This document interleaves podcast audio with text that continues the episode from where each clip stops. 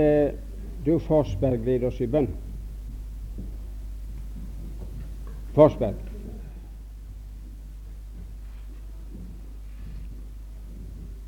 Vi takker deg, kjære Far i himmelen, i Kristus Jesus, for hva du har gitt oss Ja. til vårt hjerte og sinn og til inntil denne stunden. Takk for hva du har gitt oss i dag, Ja. og vi priser ditt navn for hva du fremdeles vil gi oss på dette kurs. Og så åpne våre hjerter midt og våre tanker, sånn at du kan få lagt ordet ditt inn, så det kan virke på oss, slik, Herre, at vi når himmel og salighet. Amen. Amen.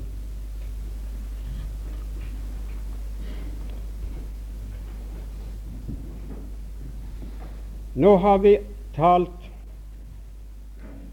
om to av Herrens dommer. Den som falt på Golgata, og den som pågår nå. Den ene er avsluttet, og den andre er i full utvikling. I det som nå står igjen, vil vi forlate så å si tiden og tale om dom eller dommer som har med fremtiden å gjøre. Og nå vil vi lese om og se på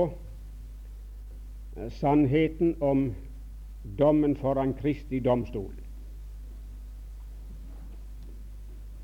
Vi leser 2. Korintene 5 og vers 10 til å begynne med. For vi skal alle åpenbares for Kristi domstol, for at enhver kan få igjen det som er skjedd ved legemet, ikke ved den gamle Adam. Trøste oss hvis vi skulle få igjen den gangen etter det som har skjedd ved kjødet, den gamle Adam. Nei, det er i forhold til det som har skjedd ved legemet i verden som en kristen. Etter det som enhver har gjort, enten godt eller ondt.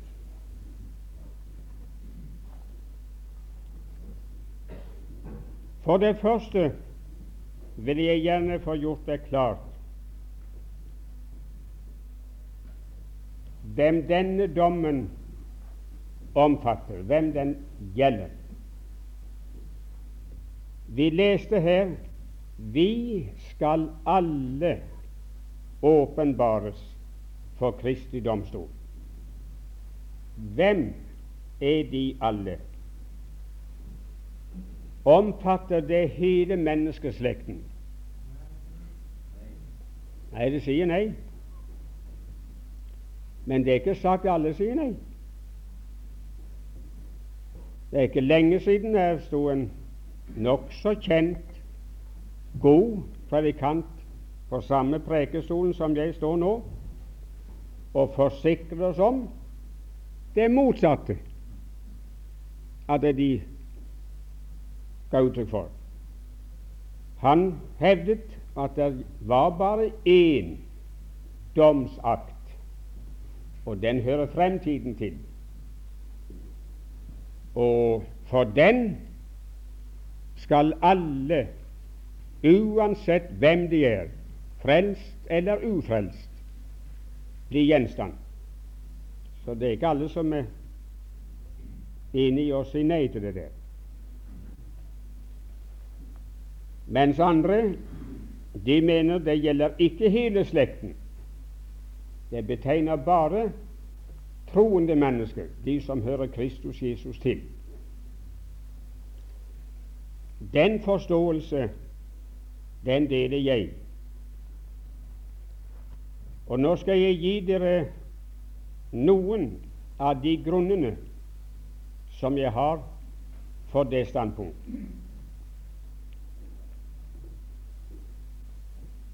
Vi skal se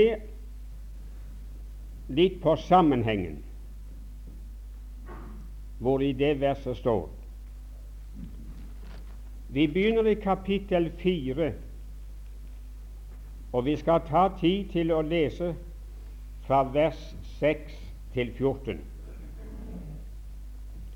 Så får du legge merke til de ordene som jeg legger trykk på. For Gud, som bød at lys skulle skinne frem av mørket, han er den som også har latt det skinne i våre hjerter, for at kunnskapen om Guds herlighet i Jesu Kristi åsyn skulle stråle frem fra oss, i det vi alltid er i trengsel, men ikke kuet, tvilende, men ikke mistvilende, forfulgt, men ikke oppgitt, nedslått, men ikke tilintetgjort, alltid bærende Jesu død med oss i legemet, for at også Jesu liv skal åpenbares i vårt legeme. For ennå mens vi lever, overgis vi stadig til døden for Jesus skyld, for at også Jesu liv skal åpenbares i vårt dødelige kjød. Således er da døden virksom i oss, men livet er evig. Men ettersom vi har, denne samme, har den samme troens ånd, etter det som er skrevet 'Jeg trodde, derfor fortalte jeg', så tror vi òg, derfor taler vi òg. For vi vet at Han som oppvakte den Herre Jesus, skal også oppvekke oss med Jesus og stille oss frem sammen med det. Nei, vi tar også de andre vers.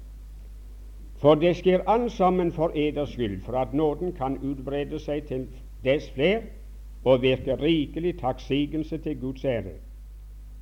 Derfor taper vi ikke motet, men om òg vårt utvortes legeme, mennesket, går til grunne, så fornyes dog det innvortes dag for dag.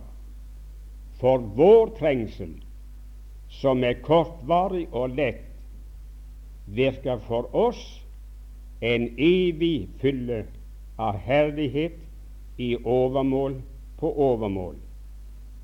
Således, nei, så som vi ikke har det synlige for øyet, men det usynlige, for det synlige er timelig, men det usynlige evig.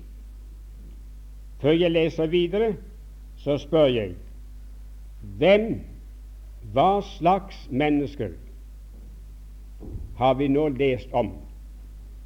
Er det hele slekten? Nei. Oss, vi, vårt, våre, betegner i ethvert tilfelle de i hvem Gud har latt sitt lys skinne, de som tror på Kristus Jesus. Det er ingen som kan motsi det.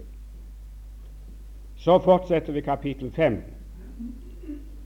For vi vet Kan de vi være noen andre enn de vi som er talt om i versene foran? Det er umulig. Det må være de samme. For vi vet at om vårt legemes jordiske hyttes hus nedbrytes, så har vi en bygning av Gud, et hus som ikke er gjort med hender, evig i himlene. For også mens vi er her til huset, sukker vi fordi vi lenges etter å overkledes med vår bolig fra himmelen.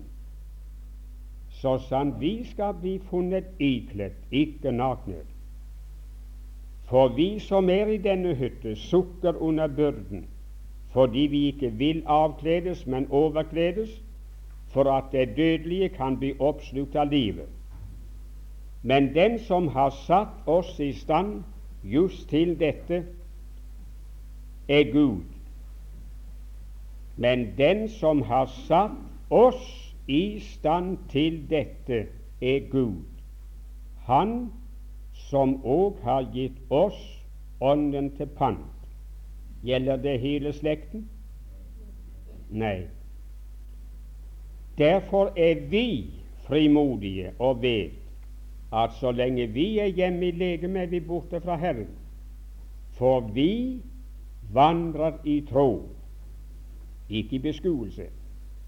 Vi er altså frimodige og vil heller være borte fra legemet og være hjemme hos Herren.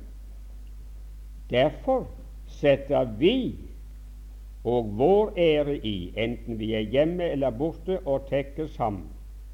For vi skal alle åpenbares for Kristi domstol. Kan det gjelde hele slekten? Ja, Da kan ikke jeg lese norsk. Da jeg ikke vet og forstand til å gjøre meg opp en fornuftig mening om det som er skrevet på norsk. Det må gjelde troende mennesker og ingen andre enn de som vandrer i tro. Det får være nok om det, hvem dommen gjelder. Det neste er spørsmålet hva som da foran Kristi domstol skal dømmes, og hva som da skal bli avgjort. For det første så kan det ikke være vår synd som vantro mennesker. Den synd vi gjorde i vår uomvendte tilstand, for den ble oss tilgitt og forlatt da vi ble frelst. Og vi har Guds klare ord for at det Han har tilgitt, det er slettet ut, og jeg skal aldri mer komme det i hu.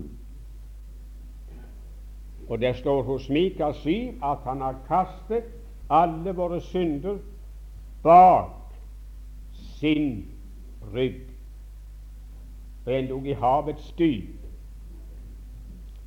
Jeg synes om de to uttrykk. Jeg tror ikke jeg skulle sagt noe om det, men jeg tror jeg må.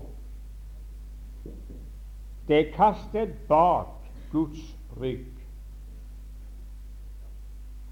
Jeg kan huske som ganske ung predikant så sto jeg og talte om det der, og så la jeg så veldig bredt på at det var bak Guds rygg. Og så sto jeg og ventet meg slik. Jeg hadde samme skikken da som nå.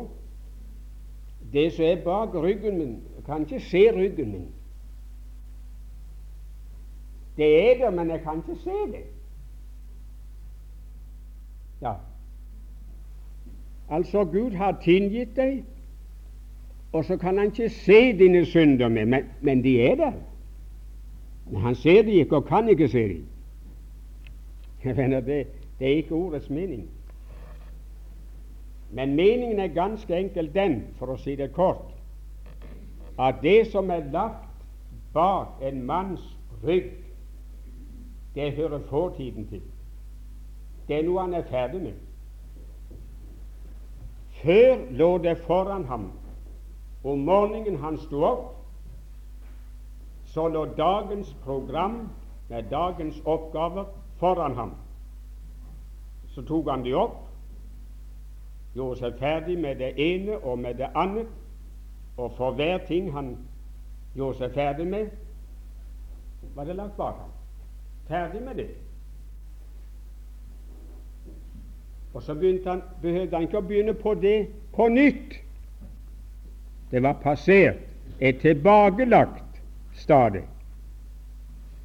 Men når Gud har lagt spørsmålet om vår synd og skyld bak seg. Han er ferdig med det og skal aldri mer ta det opp til ny behandling.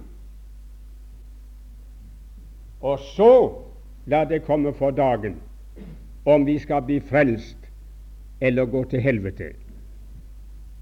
Nei, godt folk, det blir avgjort den dagen han kastet det bak sin rygg da han tilga oss. Og så kastet han det i havets dyp. Her er noen fra Sønmør. Jeg hørte sånne knakende godt vitnesbyrd på, på Sønnmøre nest siste gang jeg var der oppe. Jeg kommer aldri til å glemme det. Jeg lo høyt så jeg holdt på å skjemme meg ut. For jeg satt sånn at folk var nødt til å se meg. Men jeg kunne ikke holde meg. Han sa det er et ord som jeg her forleden dag fikk så veldig godt av. Det står hos Mika 7. Han kastet våre synder i havets dyp. Det der har jeg lest mange ganger, men det var ett ord som jeg ikke hadde lagt merke til før. sånn. Men da jeg var det. Jeg var nemlig i den situasjonen at jeg ganske nylig hadde lest en naturhistorie og lest om dybdene i havet. Og den naturhistorien han hadde lest, den var nok av litt gammel dato.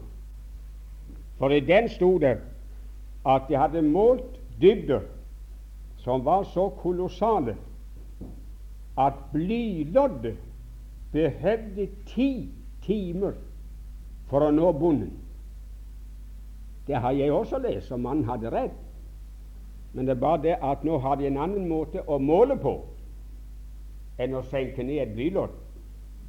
Da gjorde det slik at uh, blyloddet sank og sank og sank inntil det tok bunn.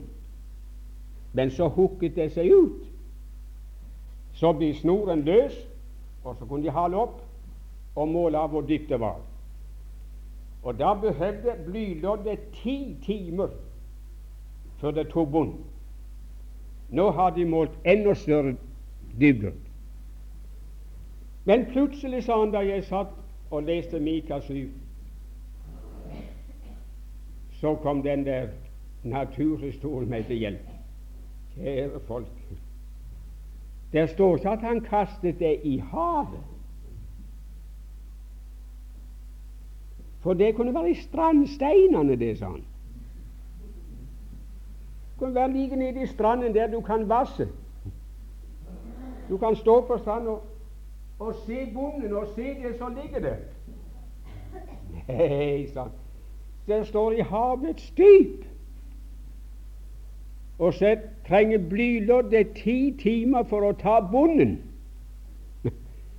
og så sa han, brukte akkurat samme uttrykk selv gamle-Erik med sine øyne kan ikke se det. Det er for djupt. ja, ja, det, det, var da jeg lo. Jeg syns jeg så gamlingen. Han, han stirret, men han så det ikke igjen. Men der, han er ferdig med den sorg. Så det skal ikke tas opp foran Kristi domstol. Og Hør nå. Det er heller ikke vår ferd som troende som skal bedømmes der. For det er vår ferd som troende som blir behandlet nå. Det var den, det jeg talte om i første time i dag. Når Gud lar sin dom gå over vårt liv, vår ferd, vår vandring som troende nå, så kommer vi på kne og bekjenner våre synder som troende.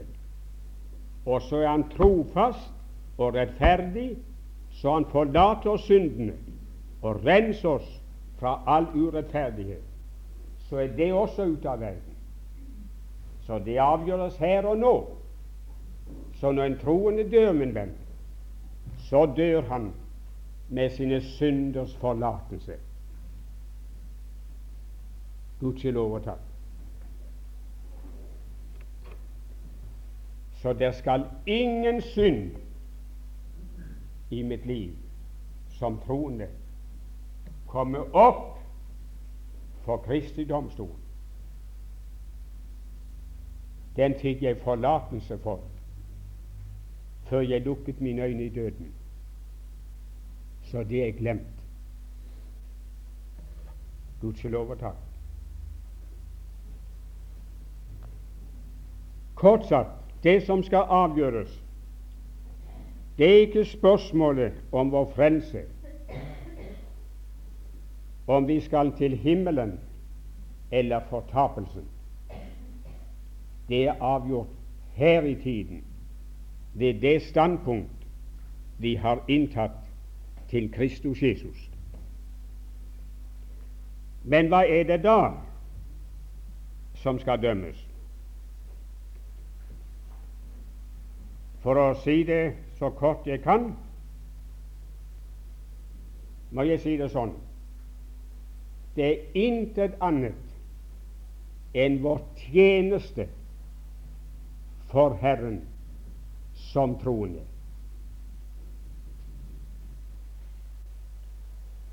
Det vi har utlevert vårt legeme og vårt legemes lemmer til, som kunne være til gagn og nytte for Herren i denne verden. Det skal tas opp og bedømmes da. Og har det vært noe verd for ham, hatt noen betydning for ham, for hans sak, for hans interesser og hans hensikter, så skal vi få lønn. Hvis ikke, så mister vi lønnen som vi kunne ha fått, men vi blir selv frelst og kommer til herligheten. Om det skal vi lese lite grann. De kan notere Lukas eh, 14. Og der er det nok å ta med bare 13. og 14. vers. Det er i forbindelse med diktelsen om den store nattverd. Der vet du han sa når du eller dere ber til gjestebud, så skal dere ikke be inn slike som kan be dere igjen, som kan gi gjengjeld. Så hvis de har vært i selskap hos deg, vel, så føler de seg forpliktet til å bli deg i selskap. Og så får du, får du vederlag for kaken og kaffen. Ikke bli, bli slike. Men du skal bli fattige og blinde og vannføre og lamme, slike stakkere som ikke eier noe, og som ikke kan gi noen ting til vederlag. Hvis du gjør det, så står det så skal du få ditt igjen i de rettferdiges oppstandelse. Så skal du få ditt igjen. Ikke nå, men i de rettferdiges oppstandelse. Og de rettferdiges oppstandelse, den finner sted når Kristus kommer i luften for å hente sine hjem og de døde i Kristus først står opp. Der skal de få sitte igjen. I Åpenbaringen 22,12 vet nok at det står eh, Se, jeg kommer snart, og min lønn har jeg sendt på forskudd.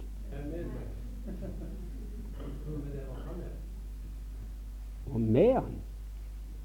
Han kom altså ikke tomhendt. Han kom ikke alene. Nei, det er forhold som en venn. Se, jeg kommer snart, og min lønn er med meg. Skal ikke få den tusen år etterpå.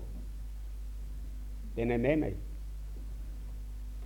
Og da skal jeg betale en være igjen, ettersom hans gjerning er. Vil det så slå opp 1. Korintiabrevet 3?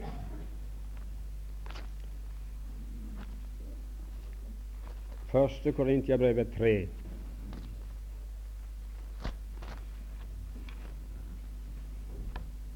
Ja.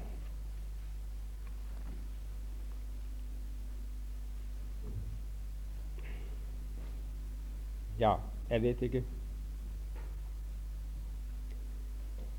Vi får visst bare ta siste halvdel av vers 8 og så ned. Dog skal enhver av dem, altså enten eh, det er en som har plantet, eller det er en som har vannet ute på Guds akerland, så skal enhver av dem få sin egen lønn etter sitt eget arbeid. For vi er Guds medarbeidere, I er Guds akerland, Guds bygning. Etter den Guds nåde som er meg gitt, har jeg lagt grunnvoll som en vis byggmester, og en annen bygger videre, men enhver ser til hvorledes han bygger videre. For ingen kan legge en annen grunnvoll enn den som er lagt, det er Jesus Kristus. Så det arbeidet som Paulus utførte, det kan ingen gjøre om igjen. Det var han alene om. Men om noen på denne grunnvoll som er lagt, bygger med gull, sølv, kostelige stener, tre, høy strå. Da skal enhvers verk bli åpenbart, for dagen skal vise det.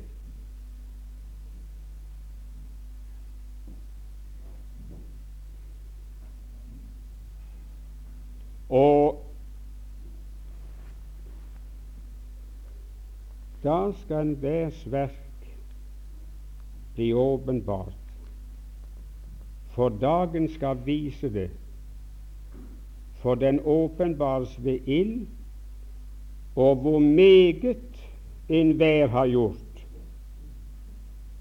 skal ilden vise.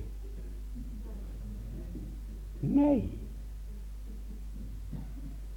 her er ikke spørsmål om kvantiteten, men kvaliteten og hvordan enhvers verk er. Det skal ilden prøve. Om det verk som en har bygget, står seg, da skal han få lønn. Om ens verk brenner opp, da skal han tape lønnen. Men selv skal han bli frelst, dog således som gjennom ild. Vet De ikke at I er Guds tempel, og at Guds ånd bor i eder, osv. Tolkningen av stedet ser jeg bort ifra. Jeg holder meg bare til selve prinsippet ved denne anledning. Og det som var sant for apostlenes vedkommende, og som er sant for enhver Guds ords forkynners vedkommende, som skal føre opp en bygning på den grunnvollen, som Paulus sa, Kristus Jesus. Enten det er de, eller det er enhver annen troende som forsøker å utføre en tjeneste for Herren, så er prinsippet det samme. Han skal få sin egen lønn etter sitt eget arbeid. Og det skal prøves hvordan det er, ikke hvor meget det er, eller lite, men hvordan det er. Og står det sin prøve, så skal Herren lønne ham igjen. Han skal få igjen etter det som har skjedd det legemet. Og så i kapittel 4 og vers 6. Det er et sted som Ja, jeg har nær sagt det er et av de de utvalgte versene som jeg elsker.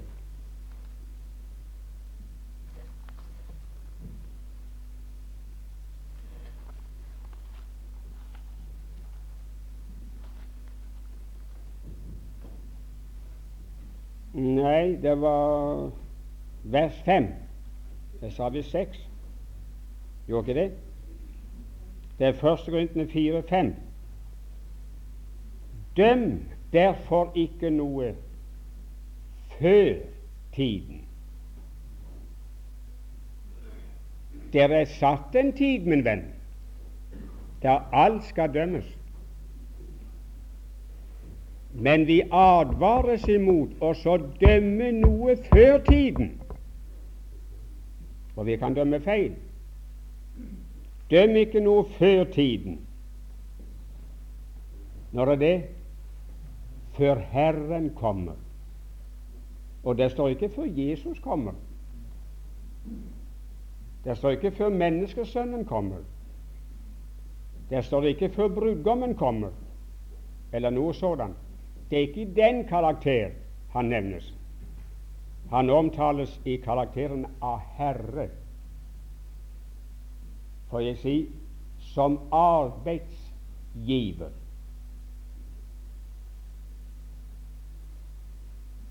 Når Herren, arbeidsherren, som det har vært arbeidet for i verden, når Han kommer, da er det tiden til å bedømme det utførte verk.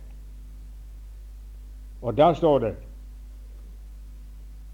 Han som også skal føre frem for lyset det som har vært skjult i mørket, og åpenbare hjertenes råd. Ble du redd? Ble du nervøs? Ta det med ro, for det står noe rart etterpå. Og da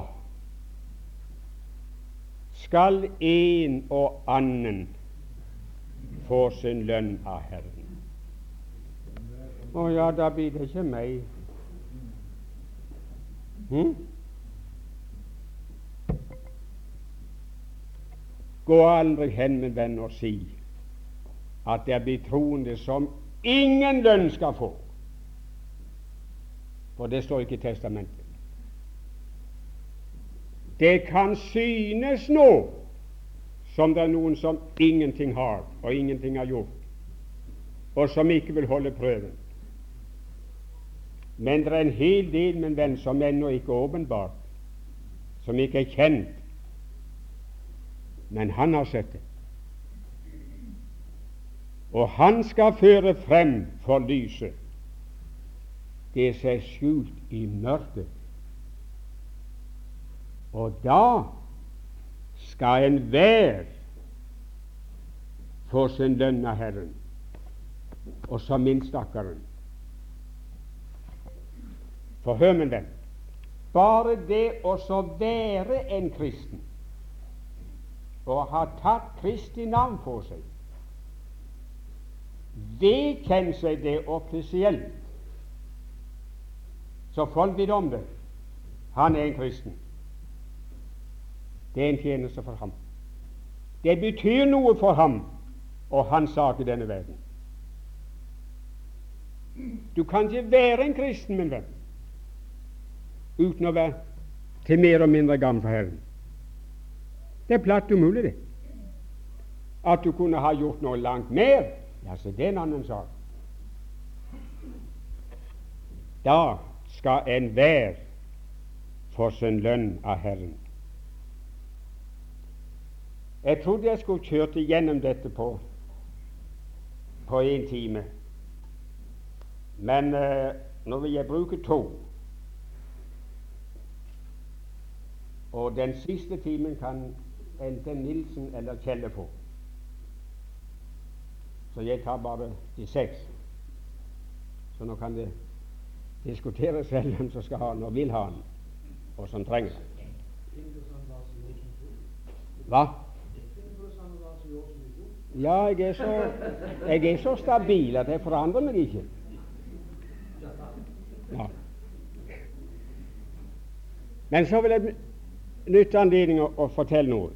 Ja, ja, det får Åkra det må ha barmhjertighet med meg. Det er ikke greit å stå her og preke for Åkra folket. Det er bare fordi å sitte og slikke koppen. For hva skal jeg si som jeg ikke har sagt før? Dere kan meg utenat. Men nå får jeg preke for de andre.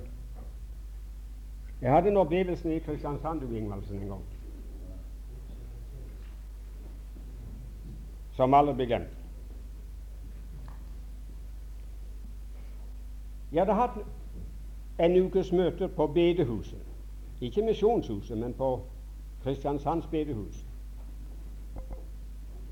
Og det var fullt hus. Og ved flere kvelder så fikk vi be til Gud men ikke så ganske få. Ja, ja. En kveld så hadde jeg, for, jeg prekt om den forlorne sønn. Hvis jeg hadde hørt den timen av Kjelle, eller det han sa i går, så hadde jeg tatt med det der om hatten. Det som han ikke fikk. Men jeg gjorde ikke det. Jeg kommer til å gjøre det heretter. Det kan du være sikker på. Så det, det satte du i banken, så det kom igjen med renta di. Ja, ja. Men det jeg prekte om, det var hva den forlorne sønn fikk da han kom hjem. Og forsikret om at de som ville komme til Kristus nå, ville få akkurat det samme som han fikk. Det preker jeg en gang om i det gamle bedehuset her, så dere vet om det. Nå, den kvelden så jeg ingenting som skjedde. Jeg vet ikke noen vi var med. Møtene ble slutt, jeg reiste hjem. Og et par måneder etterpå så fikk jeg et brev sammen med andre. Hvordan det nå hadde seg den gangen eller ei, det skulle vel være så. Så kom jeg til å lese det uten å ha sett på underskriften, hvilket jeg som regel aldri gjør. For jeg får mange anonyme brev, det er ikke navn under, og de går direkte i kakkelovnen. Så hvis du vil skrive til meg noe, så, så må du sette navn under, ellers så blir det ikke lest. Men der kom jeg til å lese det uten å ha sett at det ikke var underskrift. Her ble brevet glemmer aldri. Og dømme til Skriften som måtte være skrevet av en kvinne. Hun hadde hørt meg mange, mange ganger for flere år tilbake. Og hun sa så uendelig meget godt om de møtene mine og den velsignelsen jeg hadde vært til for henne og for andre. Og nå var jeg igjen i Kristiansand og hørte deg i bedehuset. Men det var forferdelig. Jeg ble så skuffet, og jeg ble så bedrøvet. Og jeg har bedt til Gud for deg hele tiden siden, at Gud må forstanse deg, vekke deg opp igjen, så du kan få vende om til det du er fallen ifra. For det har skjedd et fall i ditt liv du er ikke å kjenne igjen. Tenk deg, sa hun Jeg lærte det brevet nesten utenat. Tenk deg sånn, det kan iallfall utenat. Tenk deg den herlige teksten du sto og talte om den kvelden, den forlorne sønn. Og så står der en time og bare bruke forstanden på det der. Det var ingen ånd med, og hjertet var ikke med i det. Det var bare vetet ditt Og jeg følte meg så syk. Og det har stått for meg hele tiden siden du må skrive til ham og advare ham, så han kan få snudd om mens, mens det er tid. Jeg skal si det var hardkost. Og sant å si, jeg tenkte etter så godt jeg kunne. Men måtte si som Paulus at jeg visste ingenting med meg selv. Jeg visste ikke noe å snu opp ned på. Det var umulig. Og så gikk det brevet i glemmeboka. Så kom jeg til Kristiansand igjen. Det var den gangen som uh, Mundus og meg hadde bibeluken i Blå Kors. Det var nesten et år etterpå det. Så etter en av bibeltimene så sto Mundus og snakket med en annen. Og de andre var gått med unntagelse av en dame som sto der mellom småsalen og, og storsalen. Og så så merkelig oppover imot oss. Så tenkte enten er det Mundus eller meg hun vil snakke med. Tenkte, nå skal jeg gå nedover og se. Hvis det er meg, så kommer hun bort. Og hvis det ikke er meg, men Mundus, så lar hun meg passere, og så venter hun på han. Jo da, da jeg kom nesten ned, der kom hun frem, og som utdratt hånd, og sa 'Unnskyld, Bjerke, skal jeg få lov å ta dem i hånden?' Ja, selvfølgelig. Vær så god. Og så ga jeg henne hånden. Og så kom tårene. Sånn skal jeg få lov å takke deg for sist. Ja, det kan jeg nok få lov til. Men de munnskyld, jeg jeg, jeg kan ikke huske når sist var. Nei, det blir ikke be unnskyldning for, sa hun, for de har aldri sett meg før. Å jaså? Og så kjenner de meg? Ja, sa hun. Jeg har hørt dem én gang før.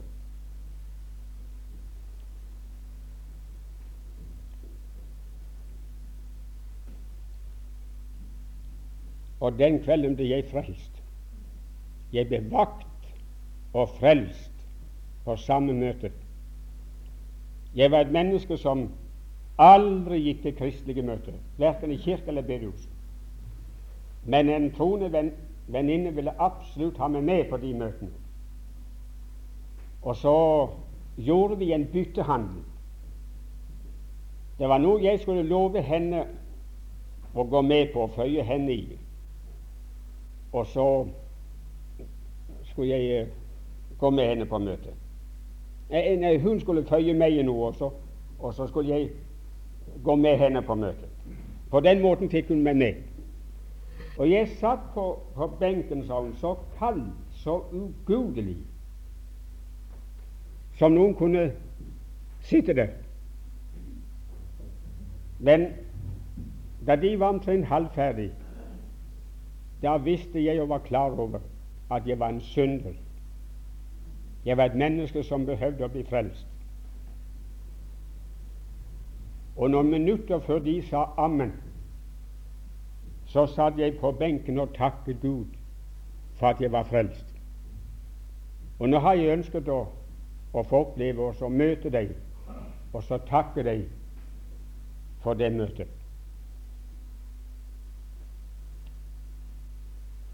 Så rant det brevet meg i tanken. Så sa jeg unnskyld, hvor var det møtet henne? Det var her i Kristiansand. Nå, hva tid? Sist jeg var her. I bedehuset. Ja. Nå uh, Unnskyld, eh, husker De hvilken tekst jeg talte om? om jeg husker det? Kan du spørre om hvilken tekst det var når du hører at et menneske blir frelst? Ja, men kjære deg, sa jeg. Folk kan da bli frelst ved mer enn én tekst. Så jeg kan jo ikke vite det. Ja, det forstår jeg noe av. Jeg trodde det var bare den som kunne frelse folk. Ja, nei, de får si meg hva det er. Det var Lukas 15 om hva han fikk som kom hjem til farsen. Å ja, så var de på det møtet. Ja, sa hun. Jeg ble interessert med en gang du sa nå skal dere som ikke er frelst, få vite hva de menneskene får som kommer hjem til Herren. Det hadde jeg ikke begrep om sånn. Der ble hun altså frelst. Nok om det. Jeg sa ingenting, men jeg sto der og tenkte, og jeg har tenkt på det mangfoldige ganger siden. Til store verden. Hun der som hadde skrevet brevet, hun dømte min preken før tiden. For henne var den ikke verdt fem øre. Det var ikke verdt hennes spytt. Ingenting. Men den samme preken, uten mitt vitende, hadde Den hellige ånd brukt til å frelse et menneske rett på flekken.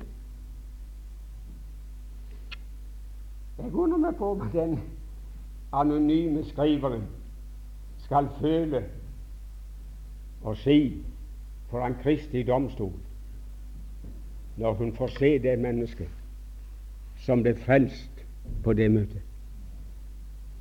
Venner, det er noe skjult i mørket som vi dømmer, og dømmer før tiden. Døm ikke engang deg selv. Dømmer du deg selv, min venn? Og Hvis jeg var predikanter, så skulle jeg sagt noen Pauli-ord til dere om den sak.